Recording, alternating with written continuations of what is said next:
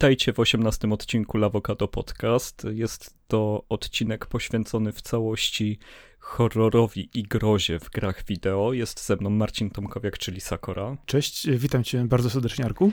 Ja nazywam się Arkadiusz Ogończyk, podpisuję się też ksywką Kaskad i tak jak wspomniałem przed chwilą, e, dzisiejszy odcinek tematyczny będzie całkowicie powiązany z cyfrową grozą, e, z horrorem, z rzeczami, które potrafią nas przerazić, zaskoczyć, wyskoczyć e, w grach wideo. Mm, jest to na pewno motyw, który jest bardzo, bardzo stary, prawie tak stary jak gry wideo, bo one od zawsze lubiły straszyć, ale trzeba im przyznać, że musiały dojrzeć do tego, bo tutaj e, w pikselach było to dosyć trudne. Jak, jak pamiętasz, Sakora, początki w ogóle horroru w grach? Dla mnie horror zawsze e, był takim punktem wyjścia ze starych przygodówek, czyli na przykład Shadow of the Comet, a później też przepiękna, fascynujące Alone in Dark pierwsza część, która bardzo mocno wchodziła wtedy y, na sposób oddziaływania i psychikę młodego odbiorcy. Y, przede wszystkim ważne jest to, że obydwie te gry są osadzone w Lovecraftowskim y, świecie, czyli mówimy tu o typowej grozie mistrza, mistrza z Providence, który naprawdę pisał niesamowite rzeczy, jeżeli chodzi o dowód książkowy. Natomiast same gry dla mnie właśnie przede wszystkim Alone in the Dark były takim punktem wyjścia niesamowitej, świetnej historii. No to myślę, że jest y, najczęściej uważany za taki pierwszy prawdziwy horror jako wyznacznik gatunku i, i raczej z tym stwierdzeniem nie będziemy się tu kłócić. Myślę, że, że trudno byłoby się z tym kłócić. Y, ta gra doczekała się kolejnych odsłon, także nowożytnych. Y, ostatnią po prostu z nią przemilczę i nie będę w ogóle o niej nigdy mówić. Natomiast pierwsze trzy części, które były w, w sumie na tym samym silniku, różniły się też wielkością i rozmachem swojej historii. Y, bardzo dobrze myślę, że y, można nawet w nie grać sobie spokojnie do dzisiaj, pomimo tego, że y, sterowanie jest troszkę archaiczne, dźwięki wydobywające się z, z komputera bywają dziwne, ale sposób właśnie operowania historią, pokazywania momentu przestrachu, momentów zagrożenia, a także też wielkiej niesamowitości w tej historii, do dzisiaj większość gier horrorowatych czerpie dokładnie z tych samych mechanizmów, oczywiście odświeżonych, pokazanych w, w nowszej formie, ale jednak straszą tak samo. E, zatrzymajmy się tu na chwilę, bo myślę, że warto stwierdzić na początku i wyjść z tego stwierdzenia, że horror to jest tak naprawdę podgatunek gry przygodowej, bo, bo to nie jest tak, że on ma własne zasady e, jakieś wyjątkowe, gameplayowe, czy też fabularne. Jest to po prostu e, w dużej mierze coś, co ewoluowało z przygodówki point and click, tylko szło w stronę fabuły, która ma nas straszyć i niepokoić, zamiast być e, piratem Guybrush'em, który jest e, dzielny i, i, i walczy na Monkey Island o, o skarby i o, i o swój honor. I to, jest, I to jest ten główny rozróżnik, a jeszcze wracając do samych początków, czasami, czasami też patrzę na Wolfensteina czy Duma jak na pierwsze takie horrorowate gry, które e, chciały tą stylistykę przenieść, niekoniecznie samo uczucie niepokoju, ale, ale jednak pójść, pójść w te tony, chociaż no oczywiście Alone in the Dark to jest taki pierwszy prawdziwy, prawdziwy horror. Dokładnie myślę, że ważny jest to też element y, nadprzyrodzony w horrorach. Przede wszystkim rzecz, element nieznany, element po prostu, który jest zupełnie wykraczający poza nasze postrzeganie. Y, I te wszystkie zjawiska nadprzyrodzone napędzały zarówno oryginalne horrory y, książkowe, filmowe, czy jakiekolwiek inne. Natomiast te growe są najczęściej właśnie osadzone na takiej zjawiskowości obcowania z czymś zupełnie nie z tego świata.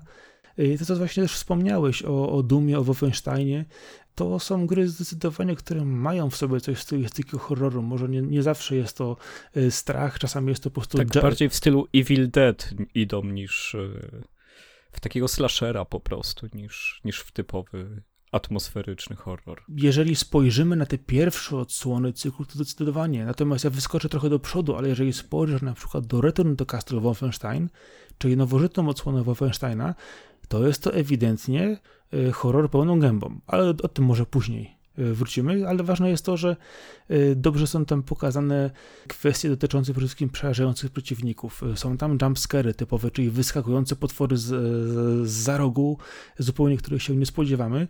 Jest też element, który wydaje mi się strachem każdego gracza, czyli mam ostatni procent życia, mam ostatnie życie A, idę jednak dalej i pomimo stylistyki gry, która oczywiście miała sama w sobie przerażać, e, to sposób grania na końcówce życia, kiedy jesteśmy przerażeni tym, czy uda nam się dojść do kolejnego punktu zapisu gry, czy przejść kolejny kawałek etapu i nie musieć go przejść jeszcze raz, no to jest ewidentny strach gracza na co dzień. Ale też e, jeszcze trzymając się dat, no Alone in the Dark to jest 92 rok i chyba kolejnym tytułem, który warto przedstawić, jeżeli pójdziemy chronologicznie, to jest e, dwa lata później System Shock, 94 rok.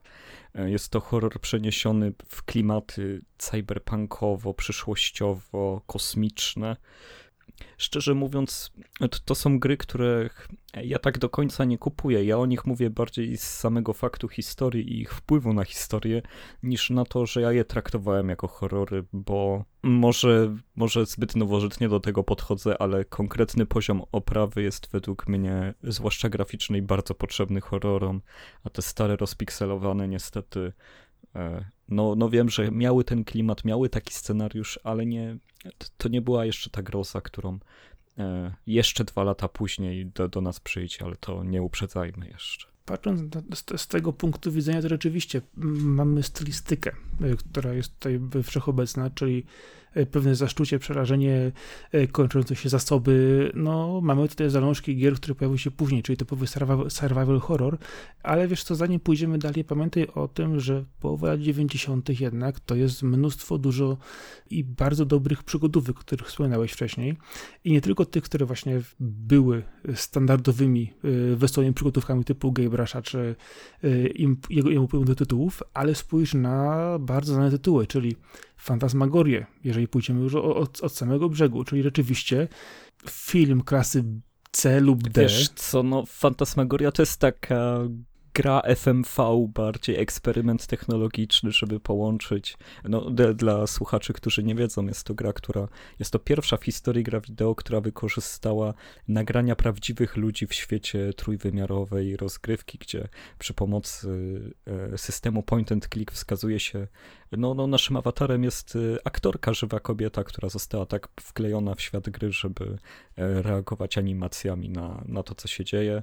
E, przebywa ona w nawiedzonym domu. To jest chyba też taki motyw, który będzie cały czas do nas wracać. Ale właśnie nie możesz tego pominąć w ten sposób, gdyż e, ten okres właśnie, kiedy wchodziły napędy CD do użycia, kiedy gry przechodziły z dyskietek na zupełnie inne napędy, pełne udźwiękowienie, pełne sekwencje wideo, e, gry, które wtedy zajmowały wtedy po ileś płyt CD, e, to jednak był znak czasu wtedy rozwoju. E, same sekwencje full motion video e, w grach wtedy zaczęły pojawiać się po raz pierwszy w tak dużym zakresie. E, Fantasmagoria jest takim punktem, e, punktem wyjścia, często też bar, najbardziej znaną grą tego typu właśnie, gdzie mamy zamiast animowanych postaci, mamy po prostu nagrane sekwencje z aktorami, którzy przychodzą w określone miejsca, wykonują określone czynności. Jest tego całkiem dużo, ale musisz spojrzeć na to, że te gry w tym czasie pomijając na przykład kolejną odsłonę, która była zupełnie inną grą, y, szły bardzo mocno w stylistykę jednak gore, tak? Właśnie mamy w tamtych latach też często filmy, filmy, filmy kategorii B na rynek wideo, czy y, powiedzmy nie do dystrybucji kinowej, to bardzo mocno gry wchodziły w tą stylistykę. To był chyba jedyny sposób, w jaki mogły wtedy jeszcze szokować i nie mogąc tworzyć takiej gęstej atmosfery poprzez sterowanie płynne płynne w 3D, czy też postaci złożone z odpowiedniej liczby poligonów, ale tak, no, no masz totalnie rację ale... Tutaj więcej trzeba jeszcze trochę powiedzieć w tej kwestii. Wiesz co, jeszcze inne takie przygodówki, no to było na pewno Clock Tower. To był Harvest. A, to przepraszam, ja się z Clock Ale to poczekaj, bo idziesz, idziesz trochę dalej. Ja chciałem tylko napomnieć jeszcze właśnie o tych e, kwestiach full motion video czy FMV, bo na przykład mieliśmy wtedy Gabriel Knighta, drugą część, ta też bardzo mocno z tego czerpała. E, wiadomo, graficznie e, rozdzielczościami nie różniły się od, od, od tam, tamtejszych tytułów, e, w tych połowie 90., mniej więcej drugiej połowie. Przy czym wiadomo, było to taki element szokujący, że tak znakomicie to wygląda, bo to są zdigitalizowani aktorzy i tak dalej. Patrząc dalej, mamy na przykład świetny e, cykl Dark Seed, czyli pierwszą i drugą część wzorowanych na grafika Geigera. Ewidentnie horror pełną gębą, całkowicie zrealizowany, ale musisz też pamiętać o tym, że był też Harvester, bardzo kontrowersyjny w swoim czasie, który epatował po prostu krwią, efektami e, po prostu rozrywanych, dekapitowanych postaci na różne sposoby, która była bardzo kontrowersyjną grą w swoim czasie, e, ale równocześnie z tymi grami e, wychodziły też tytuły, które ewidentnie grami nie można nazwać i tu przyznaję Ci rację, że wykorzystano to FMV. E, były na przykład typu, typu Pumpkinhead czy inne im podobne, które były ewidentnie nagranymi horrorami, e, gdzie klikało się tylko decyzyjność lewo, prawo, góra, dół, nie wiem, e, użyj piły albo użyj topora i gra odgrywała kolejne sekwencje e, przed tobą, praktycznie pokazując ci film e, bardzo niskiej kategorii, z, łącznie z efektami, które tam też były po prostu pokazane, ale była to oczywiście interaktywna gra. Nie był to typowa przygodówka po ten klik, e, ale był to po prostu film z wyborami, które no, do dzisiaj ten gatunek jednak jest, jest obecny i możemy sobie spokojnie klikać w opcje w grach. To są gry, które są dowodem swojej epoki, po prostu zachłyśnięto się wtedy tymi możliwościami możliwościami. E, trochę oszukiwano, że e, może nie jesteśmy gotowi na grafikę, która jest realistyczna, ale mamy za to prawdziwe filmy, czy też przetworzone te filmy. 95 e, rok, przy którym byliśmy, mówiąc o fantasmagorii, to jest właśnie ten Clock Tower, o którym mówiłem. Tytuł, w którym także mamy do czynienia z dziewczynką, która próbuje uciec z nawiedzonego domu z domu, po którym chodzi e, straszny, no nie wiem, czy to powiedzieć, czy to demon, czy, czy kto Scizorman tak zwany, czyli e, koleś z gigantycznymi e, nożycami. Bardzo straszna rzecz była to wtedy, chociaż na Super Nintendo i to, to jest godne podkreślenia, że mm, jeden z pierwszych i ostatnich takich dwuwymiarowych, prawdziwych horrorów. Nie można też nie wspomnieć o I Have No Mouth and I Must Scream, E, mówiąc o, o przygodówkach point and click w, w stylu horroru.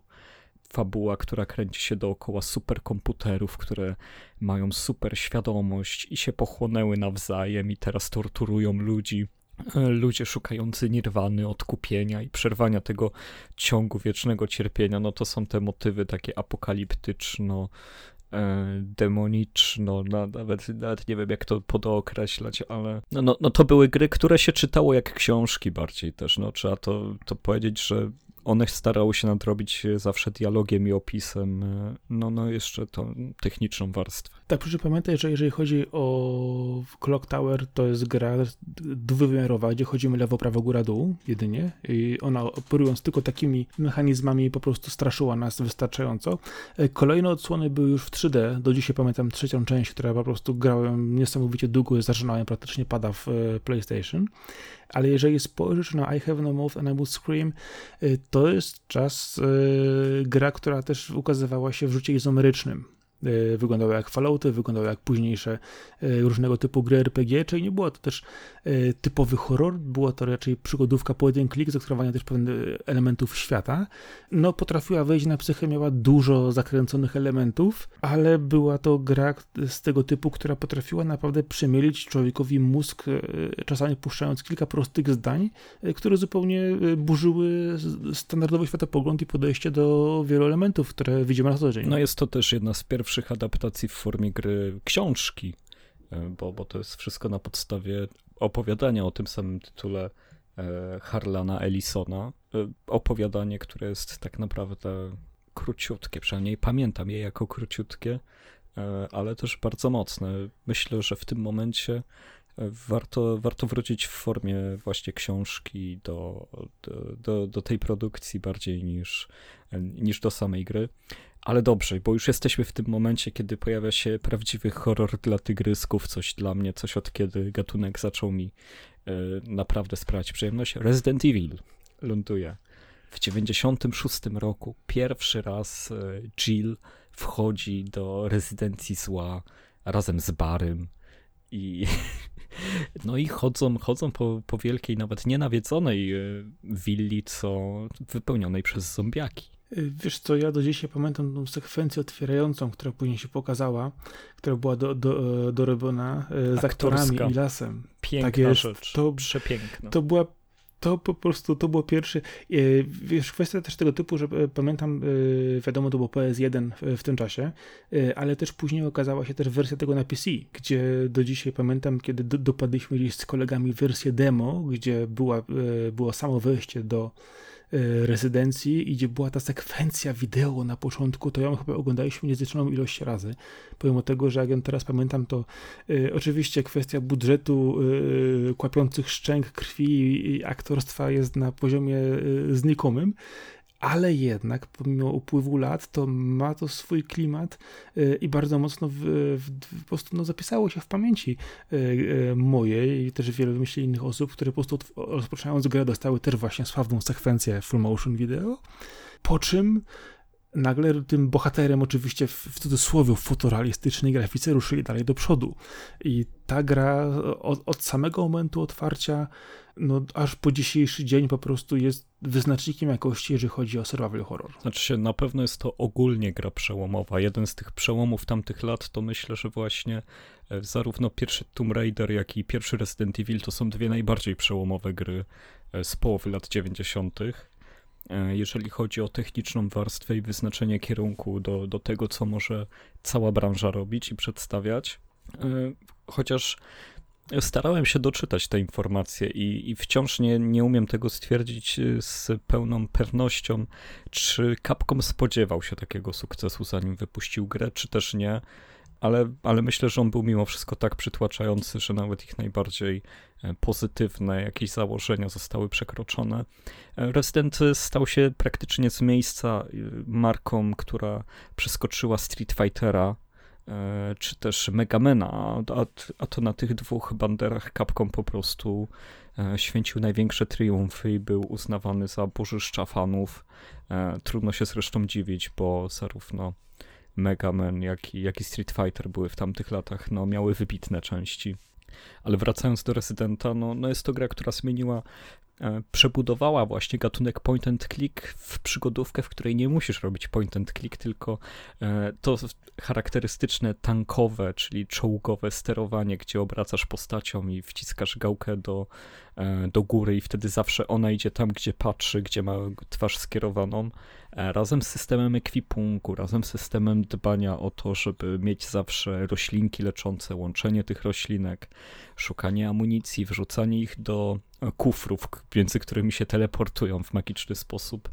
E, no, potęga, naprawdę potęga i, i myślę, że e, w formie remake'u, jaką, jaką ta gra dostała, jest to przepyszna rzecz cały czas i, i też warto podziękować Capcomowi za to, że postanowił zrobić ten remake i to jeszcze znowu byli prekursorami, bo robili go grube lata przed tym, jak e, nastąpiła remake'oza powszechna branży, bo to przecież na Nintendo GameCube to był chyba 2003 albo 2004 rok, kiedy Resident Evil 1 e, dostał odnowioną wersję. No i lecimy dalej z tą serią, bo to już nie ma sensu jej e, wkładać później. Co myślisz o dalszych częściach? Hmm, no będzie to powiedzieć. Część pierwsza, druga i trzecia też, jeszcze patrząc, to jak najbardziej mamy, mamy gry, które zdecydowanie są na PS1, które są do siebie podobne, które rozwijają historię, wychodzą nam później z samej rezydencji do miasta. No, y, to jest też e, szkoła japońskiego suspensu, musisz, musisz przyznać. Sposób prowadzenia historii e, bohaterów i antybohaterów wyskakujących po prostu jak Deus Ex Machina z pudełka z różnych, z różnych elementów, ale jednak gra, które pracują bardzo dobrze na swoją mitologię, e, które były trudne, które były cały raz wymagające i które potrafiły przestraszyć autentycznie nie tylko tym, że wychodził w, przeciwko naprzeciwko ciebie przeciwnik, który wskakiwał z nie wiadomo skąd, bądź czy był silniejszy, słabszy, y, ale też potrafiło gracza autentycznie zaszczuć y, w różnych miejscach i spowodować, że tą walkę, którą mieliśmy przy pomocy naszego bohatera lub bohaterki, odczuwało się dosyć osobiście. Bardzo, bardzo dobrym motywem było też to, to, o czym mówiłeś o tych bohaterach i wrogach. Jeżeli spojrzymy na panteon postaci, jakie zbudował Resident Evil, geniusz. Geniusz zrobić tyle pamiętnych postaci, czy to są wrogowie, czy też e, postaci po naszej stronie. Ilu tam nie było bohaterów, aż trudno to zliczyć. E, każdy mógłby zasługiwać na własną grę. E, co do PlayStation jeszcze, no to warto wspomnieć, że Resident Evil 3 nie miał mieć tytułu 3, tylko być historią poboczną, tak jak później ukazało się Code Veronica, pierwotnie na Dreamcasta ale żeby dać Capcomowi czas na stworzenie rezydenta czwórki, wtedy jeszcze trójką zwanego, e, no to postanowiono ten projekt przyspieszyć, dać mu główny numerek, a Capcom miał w tym czasie robić na PlayStation 2 już tytuł. E, wiadomo, że zaszły zawirowania, w międzyczasie powstała Onimusha, Devil May Cry, potem Resident Evil 4 na GameCube, no tutaj już e, muszę lecieć po łebkach, żeby to 5 godzin o, o, tych grach nie opowiadać, bo jest o czym. Patrząc na Resident Evil, warto po prostu powiedzieć, że to jest seria, która jest ściągnięta przez wiele, wiele lat. Dostaje nieustające remake'i, e, dostaje podserie typu Outbreak, Survival, e, Chronicles, czy wersje na konsolę przenośne różnego typu e, i to się po prostu rozrasta, rozrasta się wielkie uniwersum. Pomijam już adaptacje, animacje, komiksy, książki, filmy, bo to po prostu jest, to jest ogrom tego, co się dzieje wokoło tej gry ale ważne jest to, że gra też e, na przestrzeni lat ewoluowała, także przykładowo e, w Resident Evil 6 dostaliśmy coś zupełnie innego, do czego nie byliśmy przyzwyczajeni we wcześniejszych odsłonach, gdzie zmienił się w ogóle sam charakter gry na przykład. W siódemce, nie w szóstce. Siódemka jest FPP a szóstka jest jak piątka i czwórka. Tak, ale chodzi mi raczej o, o, o to y, zmianę wyważenia na strzelankę. Znaczy się, no, no to już można powiedzieć, że Resident Evil 4 był przede wszystkim strzelanką i kolejną rewolucją w branży gier. E, cały gatunek third person shooterów się wywodzi z Residenta 4. E, znany znam jako klony Gears of War, które no nikt mi nie przemówi inaczej niż, niż że, że ludzie, którzy robili Gears of War nie, nie byli zakochani i nie zapatrzeni w Rezydencie czwórce i tym, co ta gra zrobiła na rynku. E, a kolejna zmiana, no to piątka, no to wszedł multiplayer, e, kooperacja w czasach, kiedy takie rzeczy nie były aż tak popularne jak kooperacja przez sieć w tego typu grach, w horrorach i, i w grach przygodowych.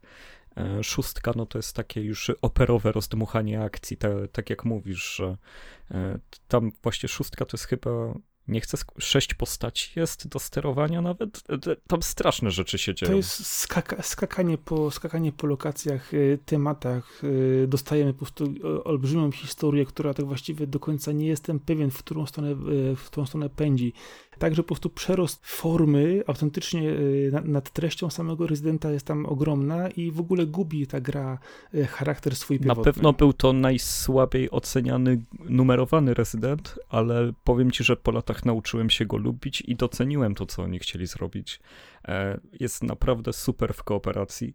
No i siódemka, no to jest, to jest już przejście do tych nowoczesnych horrorów, które są bardziej straszakami, symulatorami chodzenia, ale dzięki temu, że za grę wziął się Capcom, e, cały czas gameplay jest na mega wysokim poziomie. Resident Evil to jest seria, która łączy bycie horrorem z grą akcji, która ma świetny gameplay i, i tutaj w momencie, kiedy to nagrywamy, jesteśmy e, niecałe dwa miesiące przed premierą ósemki i nie mam żadnych wątpliwości, że to będzie równie wybitna, mimiczna, pamiętna gra. E, zresztą już teraz jest e, po trailerach, widzimy to. I, i du, duży, duży teraz wsteczny. Znowu jesteśmy na PlayStation. Druga wielka seria, która wtedy zadebiutowała, Silent Hill. Słucham cię.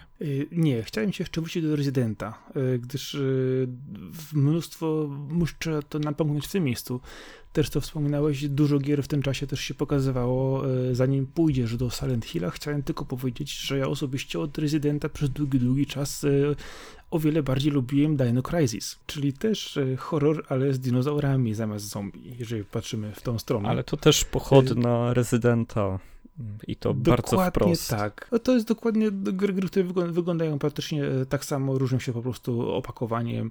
E, zasady są takie same. Ja śmiem no, twierdzić, że Devil May Cry więcej zawdzięcza Dino Crisis dwójce niż Rezydentom, bo ten system kombosów i nastawienie na akcję z Dino Crisis dwójki to było coś, co nie wiem, mało się mówi o tej grze w, kon w kontekście największych tytułów na PlayStation, a to była gra, która już pokazywała, co przyniesie przyszłość. bardzo wyraźnie. Ale to jest też gra, która była przemyślana i miała na siebie pomysł. Mimo tego, że e, odtwarzała pewne sposoby działania, e, czy tworzenia historii, to jednak e, od A do Z była sobą. To jej trzeba oddać. I że nie, nie była I była prostu... przepiękna na tamte czasy. Oj tak, zdecydowanie. A do, do dzisiaj właśnie dwójka to jest jedna z moich ulubionych gier w tego typie rozwiązań. Powiedzmy sposobów sterowania, czyli osadzenia trójwymiarowego bohatera w statycznych lokacjach.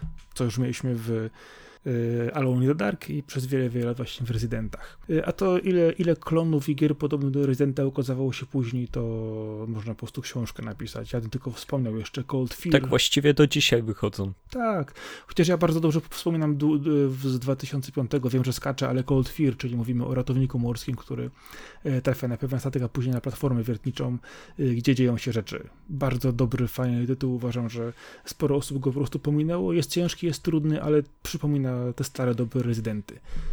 Okej, okay. i teraz Silent Hill. No, Silent Hill i Resident to są dwa filary chyba, na których stoi cały gatunek cały czas. I, I Silent Hill to jest gra, która zupełnie inaczej podeszła do tematu, bo tutaj mamy to, co zwykle nazywamy oglądając filmy, że to jest azjatycki horror. To jest chyba najbardziej azjatycki, e, jaki można było wtedy przedstawić, bo to 99 rok był. I tak i nie, bo azjatycki horror jednak jest dosyć specyficzny. Y, ja akurat tylko na punkt oglądałem dużo y, swojego razu horrorów azjatyckich y, i patrzyłem na sporo ich produkcji i bardziej poszedłbym w stronę tych nowoczesnych gier z rodem z Korei, o których później będę mówić, ale właśnie y, na tamte czasy y, myślę, że sposób przede wszystkim pokazywania postaci i historii, podobnie w Rezydencie, jak i w Silent Hillu, to był to jednak y, inny sposób pokazywania niż było to, miało to miejsce w grach zachodnich jednak. I to dało się to odczuć przede wszystkim że wtedy, wtedy jeszcze, gdy te, kiedy te gry ukazywały się na początku, w produkcje zachodnich jeszcze ich nie kopiowały wtedy. Jeszcze cały czas było e, bardzo mocno dało się rozróżnić e, sposób e, prowadzenia tych gier, a co ważne też wtedy też gry na konsole, gry na przykład na PC wyglądały zupełnie inaczej i kolejny szok, który właśnie wtedy miał miejsce, to sposób właśnie pokazywania grafiki na, na konsoli i w połączeniu z historią, która w Silent Hillu jest na pierwszym miejscu. Bo Silent Hill właśnie był jednym z niewielu przykładów takiej bardzo dorosłej historii, która e, nie przenosi nas w jakiś świat fantazy czy wymyślony, tylko czujemy, że faktycznie jesteśmy w drodze do amerykańskiego miasteczka, mamy wypadek samochodowy, jechaliśmy z córką, budzimy się z wypadku, nie ma tej córeczki, no więc idziemy jej szukać. A w mieście się okazuje, że e, jest mgła, popiół leci z nieba, i co jakiś czas wyją syreny. No i dzieją się rzeczy niesamowite, które często wykraczają poza e, pojmowanie tego, jak wygląda, jak odbieramy nasz świat. E, wielokrotnie widzimy ten typu motywy w, książkach, filmach i też w grach, gdzie trafiamy do jakiegoś miejsca, które rządzi się swoimi własnymi zasadami, które zdecydowanie ma w sobie dużo rzeczy nadprzyrodzonych, paranormalnych, i wchodzimy z nimi w różnego typu interakcje. I co ważne, gra y, typu właśnie Resident Evil była raczej nastawiona na przeżycie i na walkę o życie, w sensie powiedzmy użycia broni bądź też różnych znajdziek, natomiast Silent Hill, pomimo tego, że też miał e, elementy walki, to dało się tam odczuć, że core tej gry i cały główny element jest jednak położony na, na warstwę fabularną i przeżycia tej historii, nie tylko fizycznie jako e, przetrwania tego, ale psychicznie zmierzenia się z demonami, które tam się pojawiają. E, tak, no bo tam było bardzo, to było genialne rozwiązane, że miałeś ograniczony wzrok do, do zasięgu swojej latarki, co też na PlayStation robiło gigantyczne wrażenie. Zresztą w dwójce na PS2 ta grafika w ogóle była no praktycznie filmowa zaraz o dwójce, ale jeszcze e, ten malutki patent, którym było radio, które trzeszczało, kiedy coś się do nas zbliżało, a my nie widzieliśmy co i skąd. E, nigdy wcześniej nie było czegoś takiego w grach i, i to był naprawdę szokujący moment. I to chodzenie po, po mieście, oczywiście chodzenie po mieście, no to najważniejszy budynek to jest wtedy szkoła w horrorze i, i błądzenie po szkole z Silent Hilla, no to będę pamiętać e, na, na zawsze i z jedynki, i z dwójki. Zdecydowanie pamiętam dzisiaj pierwszą część, która była bardzo, bardzo mocno oddziałująca, też co ważne na e, poziomie muzycznym, fenomenalnie, ale druga część dla mnie była, do dzisiaj jest najlepszą częścią cyklu, począwszy właśnie od zarysowania bohaterów, rozwiązania historii na końcu. Y, no i co ważne, ja akurat bardziej wspominam y, przejście przez szpital, wydaje mi się, było dla mnie bardziej drastyczny. E, wiesz co, no, no dwójka przede wszystkim jest grą, która ma właśnie tych szalonych bohaterów wyraźniejszych niż jedynka. Jedynka jest bardziej taką e, prywatną historią, a, a w dwójce jednak spotykasz dosyć dużo osób. E, no i jest ten piramidogłowy, który. No wiele jest teorii co do tego, kim on jest. No, no w pewien sposób on jest kwintesencją. E, no nie wiem, jakiegoś tam e, maczyzmu, męskiego ego, które jest tak toksyczne, że się aż zmaterializowało, a, a też z drugiej strony no jest to gra, którą, która jest napędzana też miłością, ale już nie, nie ojca do, do dziecka, tylko e, dwójki osób, które, którzy wzięli ślub, którzy się kochali pewnego dnia nasz bohater dostaje list od zmarłej żony, że czeka na niego w miasteczku Silent Hill. No, no też nie, niby tak prosty zabieg, a, a, a to faktycznie działało, że jest to miasteczko, które jest czyśćcem, e, bo, bo to chyba tak najlepiej opisać to, co się dzieje w tych grach, że e, jest to czyściec, do, do którego sprowadzani są ludzie, którzy no, w jakiś sposób muszą się oczyścić i, i zdecydować, czy trafiają jednak do piekła, czy są w stanie się stąd wyrwać ja tak zawsze odbierałem Silent Hill na takim tym najwyższym levelu, nie, nie wgryzając się w, w szczegóły. To zdecydowanie też jest to, że wymaga od bohaterów y, zmierzenia się ze samym sobą. Nie wchodząc w to, w, w, co się dokładnie tam dzieje, w jak jest opowiadana historia, jakie są konsekwencje, to właśnie samo to, co dostajemy na końcu, zależnie od naszych y, działań, od tego, co zrobiliśmy wcześniej, jest zawsze szokujące i trzeba przyznać, że zaskakuje. Te gry zaskakują zawsze, tylko że wydawałoby nam się, że wiemy o co właściwie chodzi, co to robimy, do, do czego dążymy, to na końcu po prostu te gry potrafią po prostu zrobić z gracza po prostu sieczkę emocjonalną i to w sposób taki naprawdę drastyczny, czasami po prostu przekazując tylko kilka prostych zdań lub jeden prosty obraz, który zupełnie burzy nam sposób e, odbierania wcześniejszej gry, a zupełnie e, nie jest to coś, co, coś, co po prostu odbiera nam przyjemność z grania, a raczej po prostu on kwituje na końcu, po prostu dając takiego dobrego, solidnego kopa emocjonalnego. No i oczywiście Silent Hill to są gry takie dosłownie przerażające. To tam można być e, moc, mocno zeschizowanym i tak jak ty mówiłeś o tym szpitalu, nie wiem czemu dwie największe takie momenty z dwójki, jakie pamiętam, to jest y, przepłynięcie przez jezioro. Y, bardzo, bardzo tą scenę mam tak cały czas wrytą w pamięci. Oraz jest tam pewien moment, kiedy cały czas schodzisz w dół. E, takim wąskim korytarzem i schodzisz, i schodzisz, i schodzisz. I to jest tak schizujące. Tam się nic więcej praktycznie nie dzieje, tylko schodzisz coraz niżej. A, a, ale bardzo, bardzo to zapamiętałem. Ja myślę, że to jak czasami niektórzy z bohaterów pobocznych pojawiają się ponownie. Oj tak, to kiedy, też kiedy, przerażające. Kiedy rozliczają się z własnymi demonami, y, bo, bo, nie chodzi o to, że czasami pojawienie się ich jest nie wiadomo skąd, dlaczego akurat tutaj są, natomiast y, to, co oni najczęściej oznajmiają lub y, też mówią, w jaki sposób oni swoją drogę pokonują, to jest po prostu niesamowite. To po prostu jest majstersztyk, jeżeli chodzi o sposób pisania właśnie y, samej historii y, i dialogów często też, y, gdyż pomimo tego, że te gry mają dużo linii dialogowych, są przegadane, to te najważniejsze momenty są tak soczyste, i tak często niespodziewane, że naprawdę kiedy, kiedy pojawia się, nie mówię kto, nie mówię dlaczego, y, postać z nożem na cmentarzu, y, no to ja po prostu już po prostu, kiedy zacząłem, to, to było bodajże drugie albo spotkanie z tą, z, z tą kobietą, po prostu to ja autentycznie byłem no, niesamowicie de, de, zakręcony, pomimo tego, że już spodziewałem się, wiedziałem już chyba o co jej chodzi, to kiedy wyjawiła swoją tajemnicę, to ja już miałem po prostu mówię, koniec, nie gram dalej. Oczywiście, że grałem dalej, ale te takie smaczki, co, które notabene nie są główną osią gry, są, są dodatkowe, podkreślające po prostu jej, e, jej wartość, jej sposób, sposób po prostu e, przekazywania historii.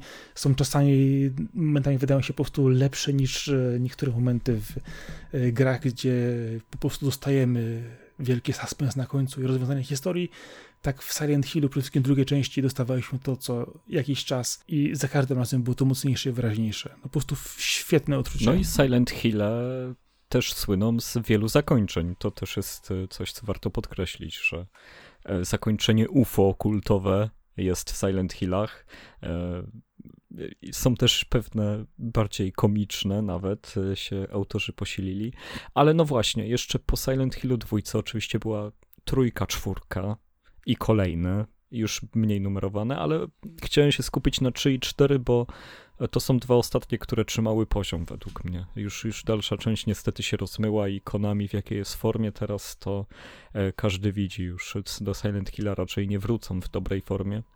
Trójka z Header e, była bardzo schisującą, chociaż mega krótką grą, a, a The Room, no to już był taki horror e, bardzo ostro bawiący się z percepcją gracza i już straszący mocno tymi takimi formami E, no, no nie wiem, to trochę e, naturalistycznymi, połączonymi z, z jakimiś przedmiotami. No, to, tam były też ostre granie na schizie.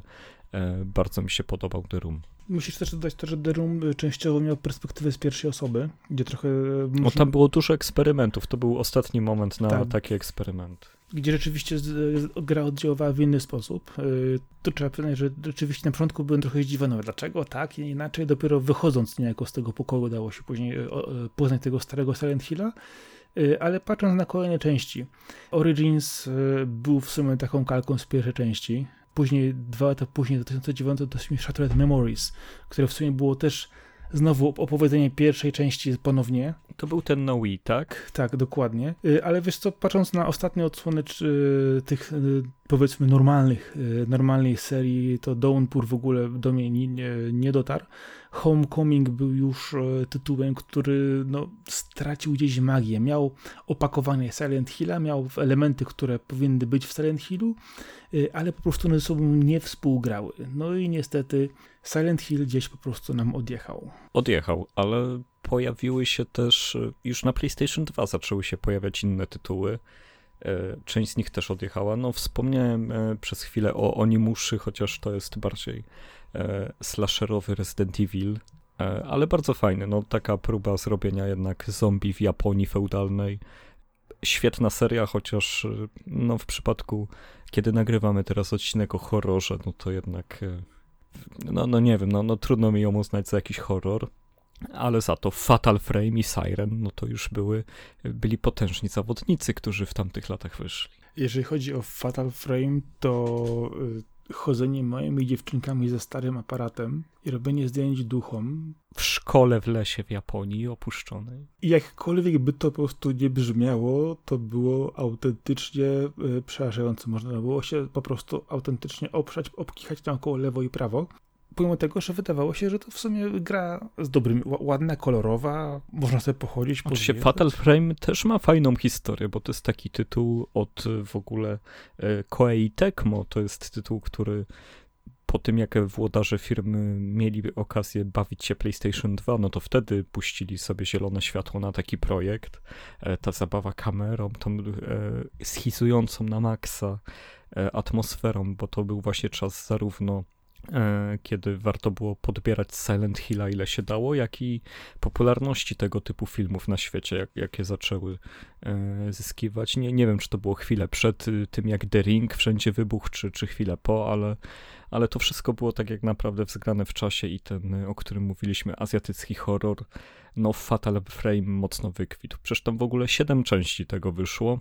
I, I druga to już był horror do, do potęgi. To, to już e, no, no trzeba mieć naprawdę stalowe gacie, żeby go skończyć. Druga część po prostu to, już nie chciałem od niej zaczynać, ale tak jak wspominałeś, to ta gra mnie tak strasznie porobiła, że ja, ja przez długi, długi czas się po prostu zastanawiałem, gdzieś utknąłem w pewnym momencie, nie mogąc znaleźć wszystkich elementów y, i nie wiedziałem po prostu, czy ja y, rzeczywiście chcę w tę grę jeszcze grać, trochę się pomęczyć, czy ta gra po prostu mnie gdzieś tam nie zarżnie, ale to w tej serii dla mnie to była chyba najlepsza część, ale wspomniałeś też wcześniej o Forbidden Siren. Od Sony. Od Sony, później też było Siren Blood Cars, e, później, później, e, ale tu mieliśmy trochę inny e, sposób podejścia. Nie mieliśmy dziewczynek, nie mieliśmy aparatu, mieliśmy w sumie wyspę, nawiedzoną przez nieumarłych, chociaż ci nieumarli to nie były klasyczne zombie. E, mieliśmy tutaj też pewne momenty, motywy z jednej strony survival horroru, czyli w jaki sposób przejść, przetrwać, zdobyć zasoby, bądź też przebić się przez daną lokację, a z drugiej strony mieliśmy też elementy, co ważne, odkupienia, takie występujące podobnie też w Silent Hillu i te gry na mnie robiły niesamowite wrażenie, a co ważne, kiedy one się ukazały, jeszcze wtedy y, na konsole wcześniejszej generacji, czyli filmu PlayStation 2, to one na te czasy wyglądały niesamowicie i oddziaływały nie, nie tylko y, stroną audio, audio, i scenariusza, ale też bardzo mocno wizualnie i tutaj trzeba przyznać, Oj, że tak. szczególnie bardzo ładne gry. później druga, druga część to gry wyglądały niesamowicie. Jeszcze jako takiego rodzynka z tamtych czasów chciałbym nadmienić, że e, na Nintendo też pojawił się horror, Eternal Darkness, Sanity's Requiem, e, gra z 2002 roku, zrobiona przez e, studio, którego już nie ma, studio Silicon Knights. Bardzo, bardzo dużą ciekawostką jest to, że prace nad grą rozpoczęły się na Nintendo 64 i o ile mnie pamięć nie myli, na Nintendo 64 nie ukazał się żaden horror poza portem rezydentów. E, więc, e, więc to była naprawdę zarówno konsola, jak i firma w ogóle nie kojarzona z tym podejściem. A tutaj jednak zdecydowali się na taką podróż przez w przygodowej konwencji, w, przy, w konwencji rezydenta, ale podróż złożoną z czterech linii czasowych, e, z rozwiązywania tajemnic związanych z wyższymi bytami, a, ale też była to gra, która przede wszystkim e, bawiła się naszą percepcją, oszukiwała gracza. E, to była gra, która potrafiła nawet udać, że usunęła wszystkie savey z karty pamięci. Ona totalnie bawiła się e, łamaniem bariery między graczem, padem a, a telewizorem. Jedna ze słynniejszych tego typu produkcji no, no i niestety ani remake'u, ani drugiej części, ani studia, które ją robi, ani też e, ludzi, którzy o niej pamiętają, no e, ciężko, ciężko będzie do tego wrócić, ale, ale warto pamiętać, że GameCube też miał horrory i nie tylko Luigi's Mansion nim było. Luigi's Mansion to, to, to dosyć specyficzny tytuł, jeżeli chodzi o... To jest mój ulubiony horror, jeżeli chodzi o... jeżeli mogę się przyznać. E, zdecydowanie ja akurat szaleję po za dwójką, więc tutaj akurat może, możemy się zgodzić, że ten cykl ma, ma w sobie niezły potencjał e, na, na poziomie łowców duchów mniej więcej. E, I kolejny sposób na podejście do. No już mówiliśmy o tej brutalności, o, o tej dosłowności. E, no ale pojawił się też Manhunt, który był e, no, snafem tak naprawdę, filmem typu snaf. I tutaj jest taki błąd badawczy, o którym ty wspominałeś na początku, że horror to jest coś, co ma elementy paranormalne. E, ja często też trafiam na filmy, które są opisywane jako horror, a one są tak naprawdę thrillerem, bo nie ma tam duchów, nie ma zombiaków, nie ma potworów, czyli jeżeli człowiek człowiekowi coś robi, no to to nie będzie jako horror, tylko inny gatunek ale to chyba taki mój wtrąd y, encyklopedyczny. Nie wiem, jak ty na to patrzysz. Znaczy tak, musimy to rozróżnić, y, czy rzeczywiście y, coś będzie wchodziło w snaf, już nie mówiąc o samym rodowodzie tego terminu, czy będzie to gore jako typowy horror. Więc tutaj myślę, że, że w tu możemy na to spojrzeć. Zgodzę się, że tytuły typu Manhunt na przykład, czy Punisher też w podobnym w tym czasie, no, czerpały ba ba bardzo mocno z tej bardzo krwawej stylistyki, ale warto po prostu się skupić na tym, że jednak, że patrzymy na horror jako element nadprzyrodzone, pomimo tego, że można by znaleźć dużo filmów, gdzie na przykład nie ma elementu nadprzyrodzonego, y, ale sposób przekombinowania czy opowiadania historii y, no, sugeruje, że nie jest to jednak y, zwykły thriller na przykład, ale jest to coś, co jednak wykracza poza tą stylistykę i myślę, że ta gra, jak i jej podobne jednak się w tym mieszczą terminie.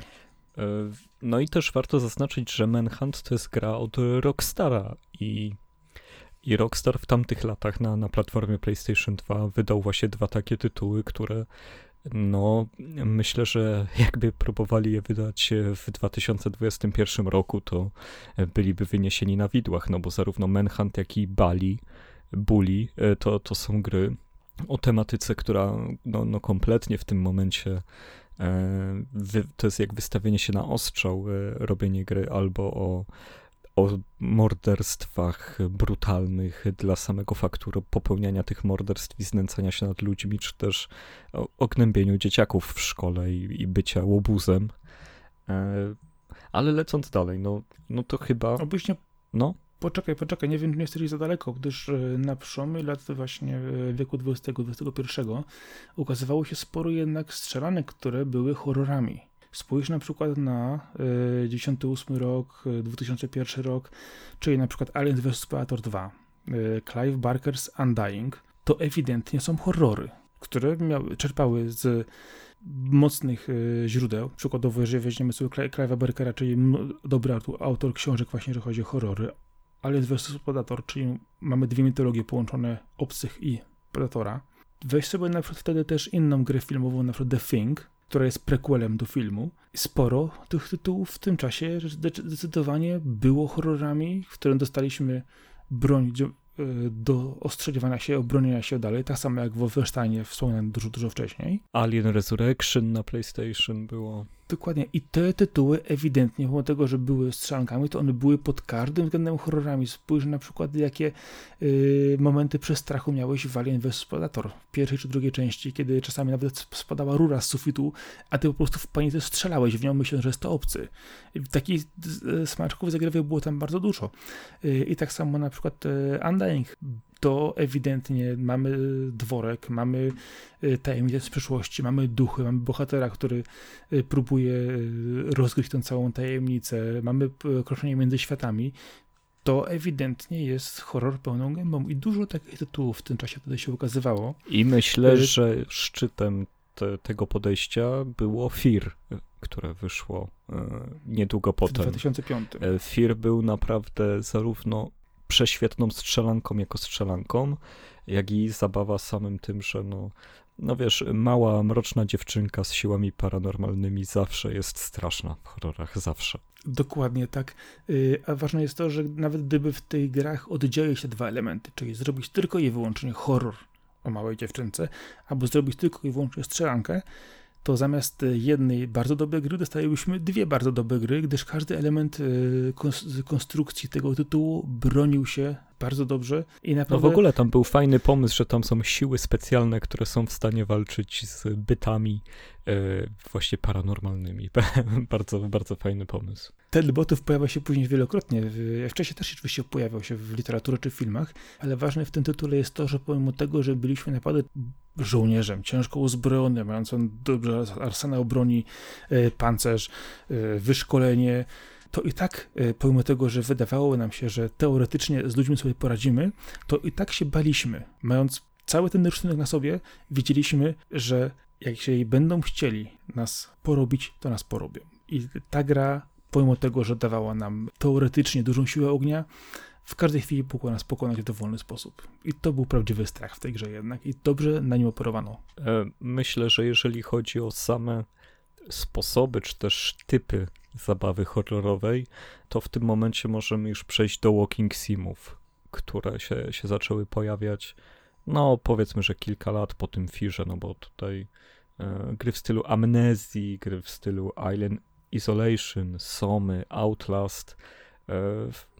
to, to jest właśnie ten moment, Colat, kiedy... Kona, Dear Esther, Suicide of Rachel Foster, no te gry ciągną się Ja muszę od siebie dodać, że to jest moment, kiedy znowu przestałem lubić horrory. Ja najbardziej lubię ten moment między e, rezydentami, Silent Hillami, kiedy one mają wzrost i wszyscy ich naśladują e, oraz oczywiście te FPP shootery bardzo lubię ale w momencie, kiedy Walking Simulator zmienia się w horror, to powiem szczerze, jest to męczące, bo, bo tam jest zwykle mechanika uciekania i chowania się, a te gry mają źle zrobioną tą mechanikę.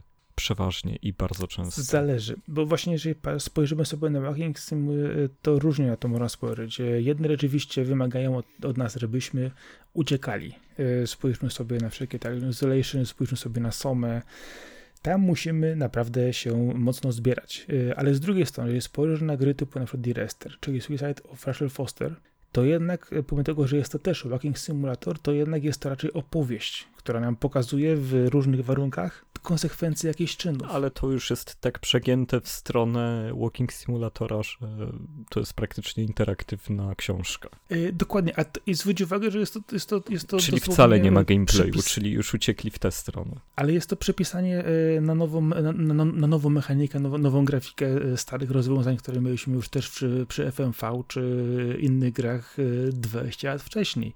Więc tak naprawdę straszymy tym samym, tylko że po prostu w innej oprawie graficznej. No tutaj na pewno, chociaż no powiem szczerze, że zdania nie zmieniam. Y, nie lubię tej odnogi branży gier. Y, jakoś y, nie czuję, nie czuję podniety przeżywania takiej historii w ten sposób.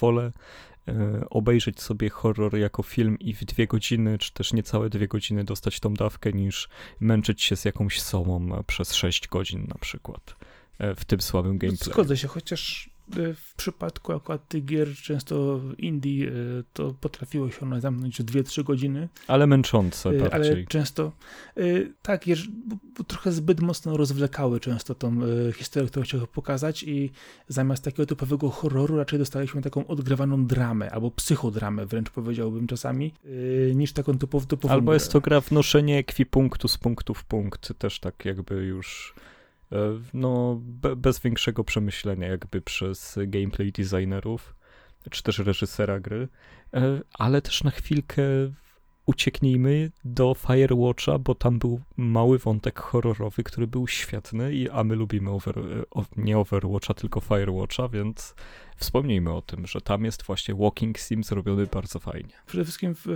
Firewatch jest trochę inną grą. Tam na przykład mamy też traumę osobistą, z którą się rozliczamy i nie musimy się z nią rozliczać, rozliczać przy pomocy yy, siekiery i Nie no, ja wiem, że to nie jest horror, ale tam jest taki wątek bardzo ładnie wpleciony horrorowy.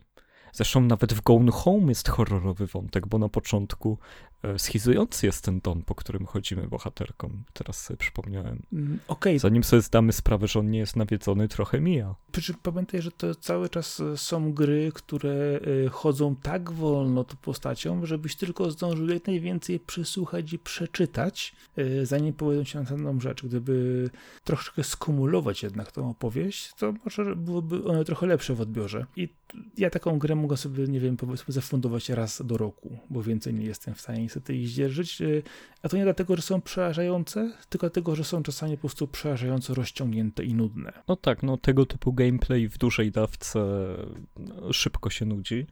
Za to w podobnym czasie zaczęły się pojawiać też takie dwuwymiarowe horrory właśnie w stylu Limbo. Limbo jest takim dobrym przedstawicielem.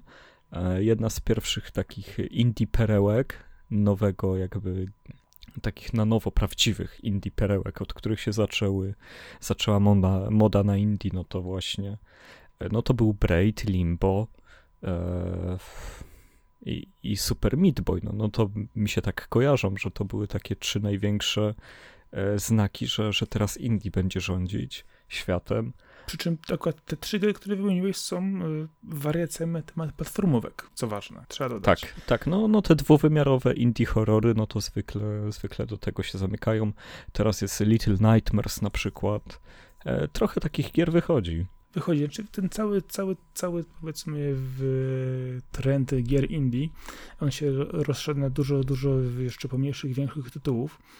Y, ważne jest też to, że y, tutaj nam trochę umknęło jeszcze właśnie pomiędzy, pomiędzy Indie a pomiędzy walking simulatorami.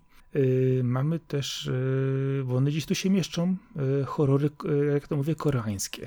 Bo inaczej tego się nie da określić. No to, no to musisz to teraz ładnie przedstawić milionom słuchaczy. One są, one, są, one są gdzieś właśnie pomiędzy nimi. Gdzieś tu się pojawiają czasami tytuły. Na przykład zwróć uwagę, na, jeżeli weźmiemy na tytuł 2D, na przykład Yomawari, którym kiedyś też wspominaliśmy na jednym z nagrań, czyli chodzimy małą dziewczynką po mieście, szukając, podejrzewam, że tam było siostry, prawda? To, że pamiętam siostry. Tak, tak. I, I jesteśmy świadkami wielu... I psa. I jesteśmy świadkami wielu, wielu dziwnych, dziwnych wydarzeń, e, ale jeżeli spojrzymy na przykład na to trochę szerzej, to e, gry na przykład trójwymiarowe, czyli na przykład Dreadout, e, czy drugi odcinek tego, czyli The Keepers of the Dark, gry, gdzie tak naprawdę chodzimy z komórką po różnych lokacjach, świecąc sobie, szukając duchów. Trochę przypomina to gdzieś miejscami Forbidden Siren, ale z drugiej strony możesz sobie spojrzeć też na, na tytuły typu koma, czyli ewidentnie tak dwuwymiarowe, chodzone lewo-prawo. Skojarzenia mogą być na przykład też z innym tytułem tego typu, typu jak na przykład Distrained, i rozwinięte to może trochę bardziej w kategorii, w kurczach się ten tu nazywał. A co tam się robi? Y, też chodziłeś po szkole, to był White coś. Teraz White Night. Biała noc chyba. Tak, dokładnie tak. Dokładnie. To, jest, to, są, to, są, to, to są horrory, które rządzą się jednak swoimi prawami. To gdzieś, akurat White Night może jest trochę bardziej rozbudowanym tytułem, y, ale to jest cały czas coś, y, gdzie pojawia się jednak pomiędzy walking simulatorem, a jednak grą indie. I to gdzieś tam się, gdzieś tam się mieści, one potrafią przerazić, mają opowiedzianą jakąś historię.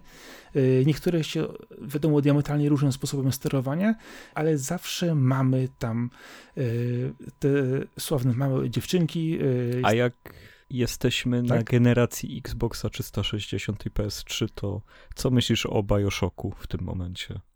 W kontekście naszej rozmowy. Trudno mi powiedzieć, czy Bioshock jest typowym horrorem. Y, jest to na pewno ciężki thriller, mocny, z elementami właśnie... Z małymi są... dziewczynkami. Okej, okay, dobrze. Little Sisters, y, Big Sisters, będziemy tutaj, można o tym wielokrotnie rozmawiać. Y, przy czym sposób realizacji tej gry jest dosyć specyficzny. Bioshock nie jest dla mnie typową strzelanką, nie jest thrillerem, nie jest horrorem.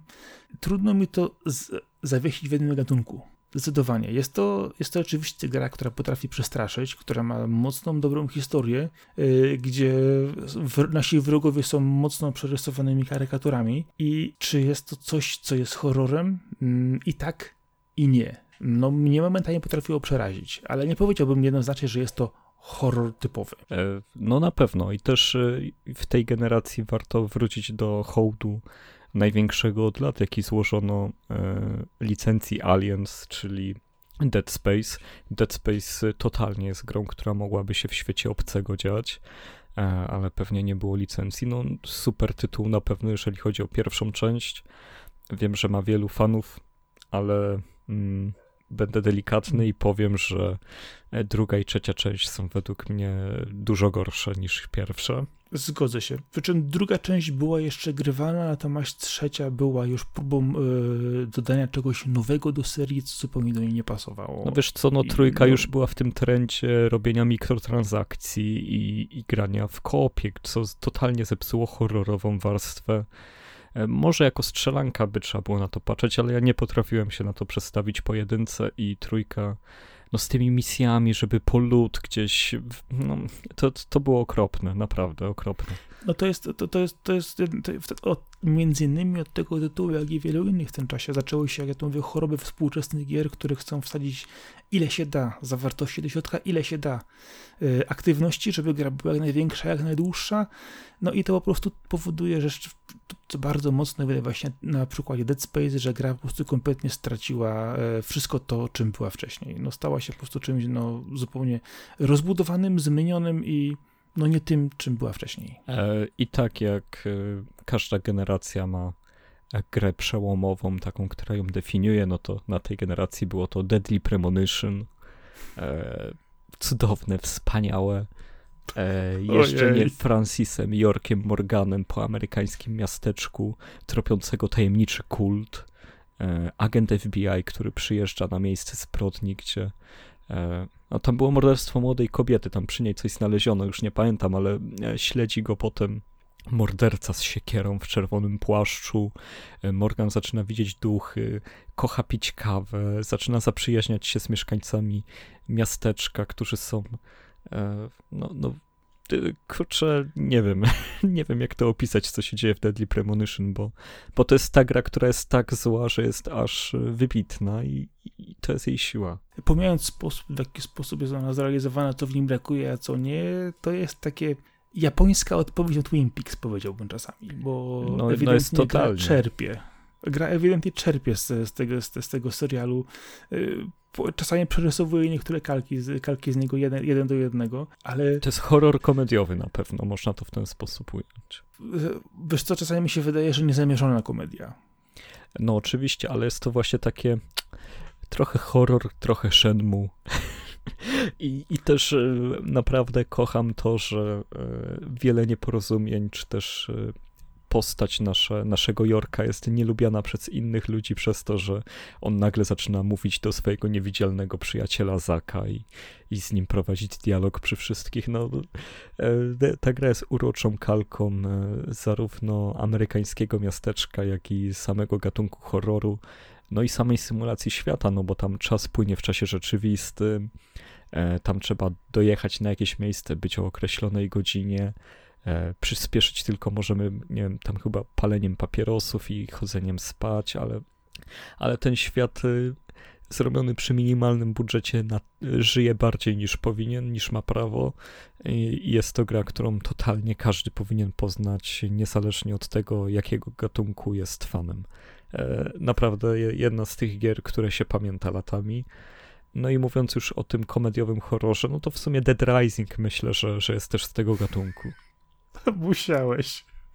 No, no wiesz, no to jest wielkie wymiatanie zombie z planszy, no, no to mimo wszystko e, jakiś tam e, element e, suspensu chcieli też znowu kapką zrobić. Chociaż, e, chociaż wydaje mi się, że tutaj zombie i wymietanie ich z, z, poziomów to ewidentnie raczej mamy podejście tylko komediowe moim zdaniem do tego tytułu.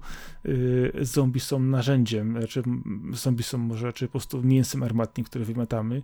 E, sposób prowadzenia też bohaterów ok, przypomina niektórych z Deadly Premonition, jest to przerysowane, sposób budowania broni w tej grze tak samo, ale generalnie rzecz biorąc to jest gra z typu jazda, jazda bez trzymanki, wiesz, yy, z, zaczynamy z zombie od stąd do wieczora. Może wyjdziemy z tego centrum handlowego. Yy, I co? W no to... to jest taki Evil Dead. Chyba Alan Wake już kolejny, jeżeli trzymamy się tych lat. Alan Wake jest y, grą, która zdecydowanie zasługuje na to, żeby, żeby mieć swoją ekspozycję, żeby dużo o niej mówić. Ja powiem szczerze, mega dobrze się bawiłem i zawsze mega dobrze się bawię, kiedy wracam do Alana Wake'a. Jest to ten tytuł, który e, ma taki poziom napięcia, który nie jest aż tak stresujący, ale ono cały czas jest. E, jest, są elementy paranormalne, ale nie są mega uciążliwe. E, jest to jednak przykład, że Remedy umie zarówno w scenariuszy, jak i w gameplay, jak i w atmosferę. Świetna gra. Czy ta gra przede wszystkim świetnie opowiedzianą historią pisarza, który y, zmaga się z niemocą twórczą, przyjeżdża nad jezioro i zaczynają się dziać rzeczy. Jeżeli mówisz, no niby taka kalka, a jednak e, jak, jak dobrze wyszła w tej grze. Ale kwestia jest taka, że właśnie y, mówi się, że wszystkie historie zostały już opowiedziane i że tak naprawdę zbudujemy je z elementów, które znamy, y, ale właśnie sztuka polega na tym, żeby te znane elementy tak złożyć, aby powstało z nich coś nowego i Alan Wake jest właśnie takim tytułem, mówiłeś też wcześniej o elementach paranormalnych niestresujących. No, ja w momencie, kiedy mi wysiadała latarka, y, a pojawiała się duża ilość cienia, czyli wrogów naszych w okolicy, to potrafiłem naprawdę czasami się zestresować, więc y, nie wiem, może zagrałem na zbyt wysokim poziomie trudności, ale sama, sama opowieść jest zamknięta w dużym zakresie, szczególnie jeżeli weźmiemy sobie później drugą część rozszerzenia, czyli American Nightmare, y, która co pada była zupełnie inną grą, która w sumie była pewnym no, dopełnieniem historii. No arcade'owa taka. Y, dostaliśmy coś zupełnie innego, bo w pierwszym, w pierwszym Alanie Wake'u dostaliśmy jednak powiedzmy y, określoną ilość lokacji, tunele, korytarze, przejścia, ścieżki pomiędzy nimi i historię, którą zbieraliśmy. Natomiast American Nightmare dostaliśmy taką otwartą strefę, gdzie po prostu biegaliśmy i zbieraliśmy różne rzeczy ale same sekwencje filmowe, do których dochodziliśmy, które wyjaśniały nam historię, były piękne i to akurat e, trzeba oddać, że to jest też znak rozpozna, e, rozpoznawczy Remedy właśnie, że dużo elementów jest granych przez prawdziwych aktorów, wplecionych wplecione są w grę. Jest to obecne aż po dzisiejszy dzień i tu akurat przeskoczę kawałek dalej, gdyż Alan Wake pojawił się też w ostatniej e, odsłonie Remedy, czyli mówimy o Control, grze, która też w sumie jest horrorem, o wspomnianych wcześniej też agencjach zajmujących się sprawami paranormalnymi.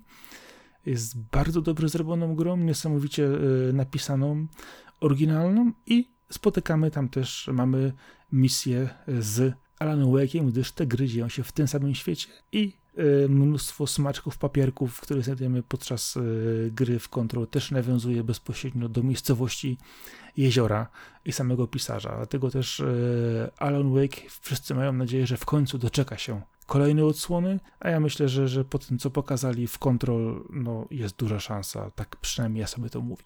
Mm, myślę, że jeszcze trzeba chociaż kilka słów powiedzieć o Five Nights at Freddy's, horrorze, który opanował YouTube'a i, i młodych widzów YouTube'a. E, gra w typowe odgadywanie zagadek w takiej konwencji. E, trudno mi się w nią wbić było. W sumie się nie wbiłem w nią. E, ale, ale jest to na pewno zjawisko, które warto poznać, spróbować się z nim zmierzyć. Wyszedł też World of Horror, taki jednobitowy z, przypominający właśnie przygodówkę, gdzie głównie tworzymy wybory i staramy się jak najdłużej kontynuować narrację, zanim umrzemy. Gra jednego człowieka w czarno-białej stylistyce.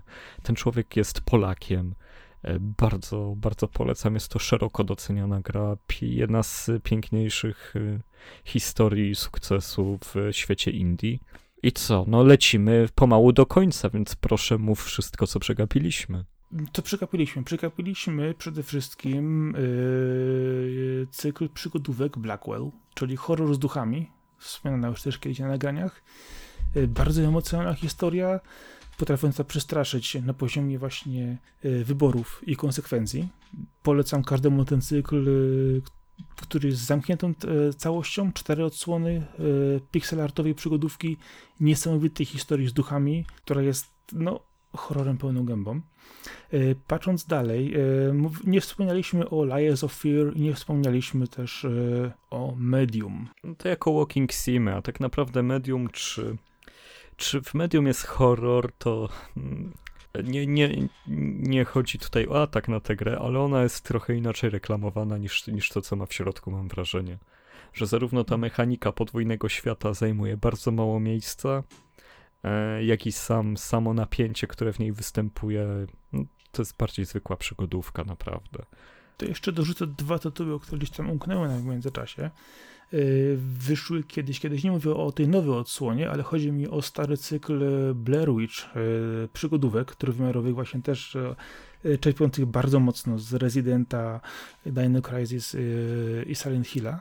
Y, które notabene w pierwszej części bardzo mi się podobały. Im dalej, tym było trochę gorzej, gdyż rozmywały tę historię, ale ja wspominam to rzeczywiście jako gry, które potrafię przestraszyć. I co ważne, Call of Cthulhu, Dark Corner of Earth, czyli gra, która była w sumie, zaczynała się jako walking sim, kończyła się jako strzelanka.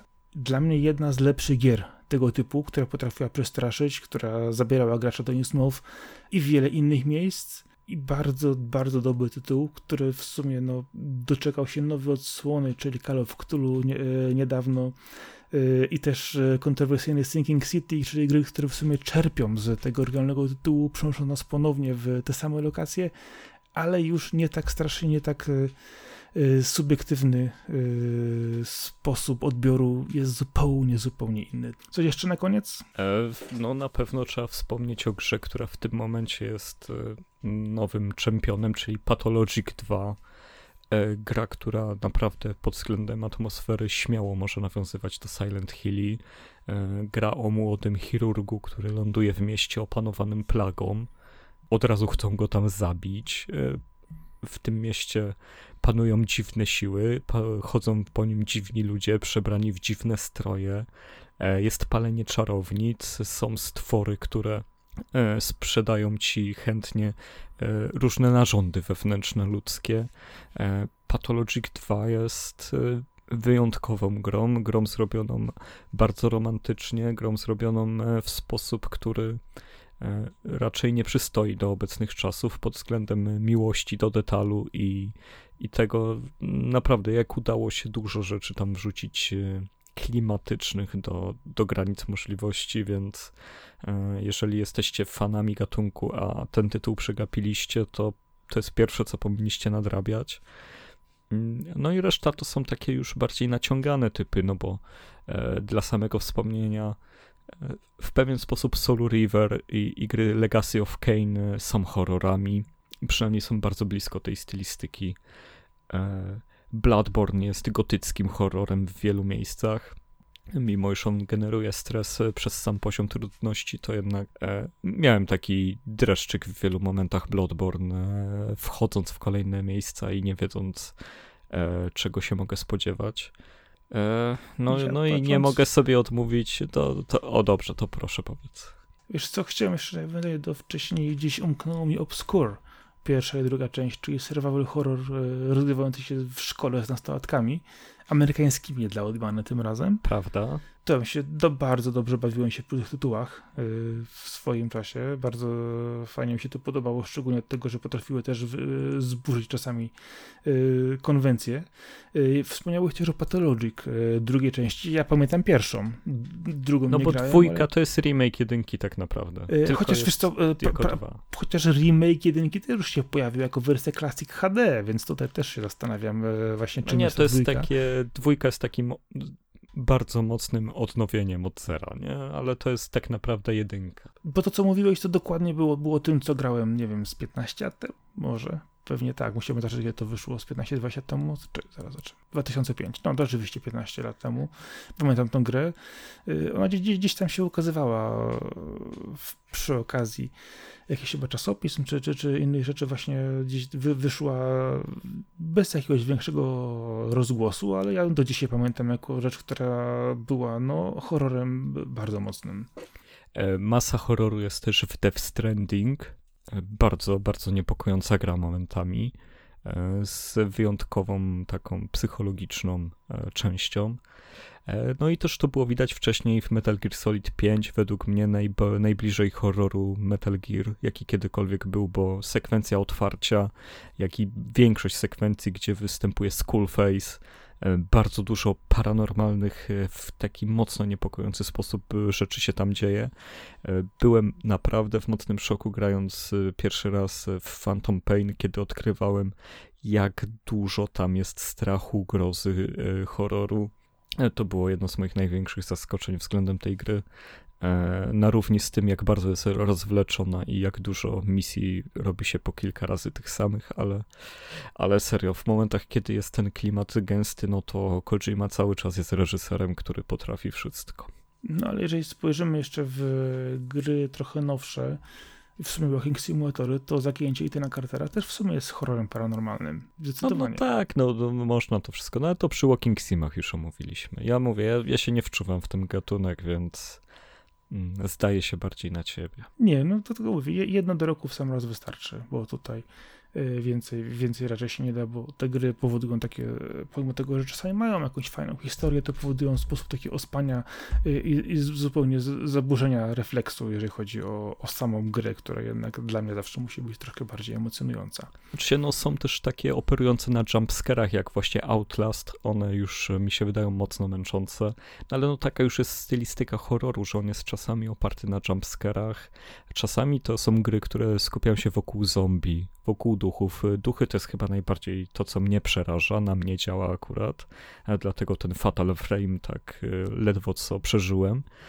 E, są, są gry oparte na, na wielkiej schizie, e, gry, w których e, tak naprawdę odgrywasz przygodówkę, tylko w trochę innej stylistyce.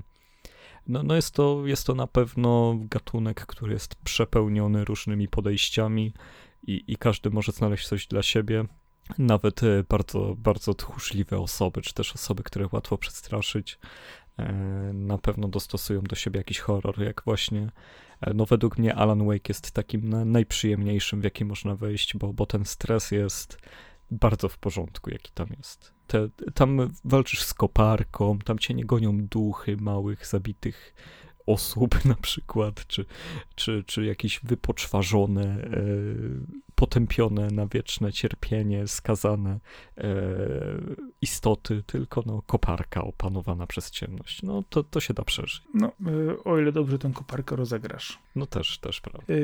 E, jak podsumujesz odcineczek? Bardzo lubię horrory w grach, e, w bardzo różnych odsłonach, gdyż no to jest gatunek, który mieści e, sporo różnego sposobu podejścia. Mamy podejście psychologiczne, powolne, mamy e, gwałtowne z duchami, strachem, uciekaniem. Mamy też takie, gdzie rzeczywiście walczymy za pomocą różnych środków obrony, począwszy od noża, kończąc na różnych typów broni to jest coś, e, gatunek, który e, akurat nie tylko od strony gier, ale od strony e, filmów, książek czy komiksów jest mi bardzo bliski. Bardzo lubię ten sposób, powiedzmy, no, bezpiecznego strachu, jak to można powiedzieć, elementów ponadnaturalnych i z przyjemnością gram w tego typu tytuły. Jeżeli rzeczywiście jest to dobrze powiedziana historia, przemyślana i która w, w swoim szaleństwie ma metodę, to ja z przyjemnością sięgam po każdy kolejny, kolejny tytuł i niekoniecznie musi być to zawsze rzecz pierwszoosobowa, trzecioosobowa, czy wystarczy po prostu czasami rzeczywiście narysowana dwuwymiarowo, pójście lewo-prawo, ale właśnie horror ma to do siebie, że od zawsze często horror miał braki w budżecie, yy, miał braki w, w kadrze. Ej, jeszcze mi na sam koniec się przypomniało, że Katrin jest horrorem właściwie. Uwielbiam ten tytuł, a, a nie myślałem o nim jako horrorze, a tam w sumie jednak zależy jak poprowadzisz fabułę, no to może się okazać, że grałeś w horror. Może też tak być, y, ale jeżeli już tak patrzymy na tytuły, które pouciekały znowu, y, to spójrz na Haunting Ground, y, czy survival horror z psem, gdzie uciekamy cały czas tylko i wyłącznie. I jedna rzecz, która mi uciekła, The Suffering nie wiem, czy kojarzysz tytuł. Oj, tak, tak, tak, taki też właśnie gorowy. Gorowy, z, w sumie, no właśnie, elementy gor były bardzo mocno tam obecne. Mieliśmy tam e, wyspę, odosobnienie, mieliśmy stare więzienie, mieliśmy niejednoznaczną postać, yy, gdzie zakończenie było kwestią otwartą, zależnie od tego, jakie podejmiemy decyzje.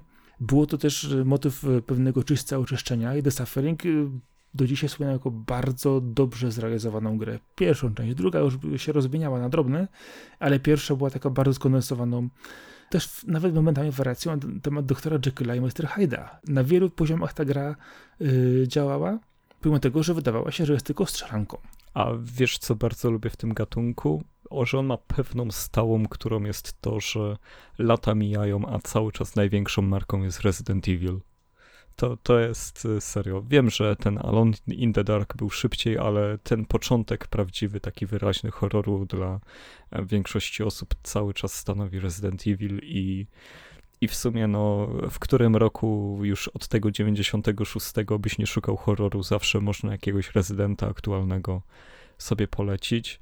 Więc jakbyś mógł tak e, wybrać trzy, trzy gry, które albo byś polecał, albo są twoje ulubione z gatunku, e, omijając serię Silent Hill i Resident Evil, które uznajemy za, e, za, za dzieła ponadczasowe, czy też najwybitniejsze, to e, co byś poza nimi polecił? To, omijając Silent Hill 2 i uwaga Resident Evil 0, do którego mam starszy sentyment, to jeżeli chodzi o, o dobre horrory strzelankowe, e, to właśnie Aliens... Nie muszą być strzelankowe. Nie, ale właśnie chcę różne rzeczy. Pierwszym mhm. właśnie y, Aliens vs Predator 2. Okay. To jest gra, która po prostu kiedyś, kiedyś mnie tak porobiła, że nie, nie wiedziałem w ogóle, co się dzieje. Y, jeżeli chodzi o tytuły, które y, tak sobie spojrzysz, właśnie typowy horror, to ze Cthulhu, Mroczne Zakątki Świata, gdyż ja mam straszną słabość do motywów Lovecrafta, a ta gra, która ukazała się już ładnych, ładnych parę lat temu, do dzisiaj jest świetną opowieścią, bardzo dobrze zrealizowaną, która cały czas straszy. A trzeci, Y, wspominaliśmy wcześniej o walking simulatorach, o grach indie, trochę bardziej to opowiadany właśnie Blackwell jako trochę łagodniejszy horror, y, bardziej psychologiczny, y, z wolniejszym tempem, zupełnie inny sposób przedstawiania opowieści, ale naprawdę bardzo mocno wchodzący na psychę. E, no ja od siebie z dwoma nie mam problemu, bo, bo na pewno bym wyróżnił Fatal Frame 2, bo to jest tak naprawdę gra równoważna Silent Hillowi według mnie. E, bardzo podobna i też e, kaliber jest praktycznie jakościowo schizujący ten sam. I drugi tytuł to Deadly Premonition, który jest zarówno horrorem, jak i wielkim przeżyciem, wielką przygodą i ten element humorystyczny mega w nim cenię. A, a trzecią grę E, no, no to bym powiedział, że Alan Wake, bo no tutaj w sumie drugi taki lżejszy, tak samo jak Deadly Premonition po tym mega hardkorze fatal frame'owym, ale e, Alan Wake jest e, no, no grą, która też nie, niezależnie od podziału na gatunek jest, jest jedną z moich też ulubionych, więc brawo dla tego pana. No, Alan Wake jednak dla mnie też jest takim wyznacznikiem jednak jakości, jeżeli chodzi o, o grę zrealizowaną w całości kompleksowo w każdy możliwy sposób. To Alan Wake jest rzeczywiście tytułem dla mnie pod wieloma względami przełomowym jednak. No i oczywiście poza rankingiem Luigi's Mansion, trylogia, e, tytuł, który totalnie e, pozamiatał gatunkiem, zmienił jego częstotliwość, natężenie, spojrzenie na horror e, i pokazał, że e, nie ma nic, e, nic lepszego niż zielony Mario z odkurzaczem. Tym optymistycznym akcentem chciałbym e, zakończyć e, ten odcinek. Dziękuję Marcin, że ze mną tu byłeś. Dzięki Jarek. Widzimy się na stronie lawokado.pl, widzimy się na YouTubie, na Spotify'u, na waszej aplikacji podcastowej. E, ogólnie możecie nas słuchać wszędzie, gdzie, wa, gdzie wam wygodnie. E, jeżeli wam się podobają nasze nagrywki, to najlepszy sposób, żeby nam to przekazać, to albo zostawić komentarz, albo podać nasz podcast swoim znajomym, żebyśmy mogli docierać gdzieś szerzej. Bardzo dziękuję za uwagę. Trzymajcie się wszyscy i cześć. Dzięki, cześć, na razie, hej. Cześć, hej, hej.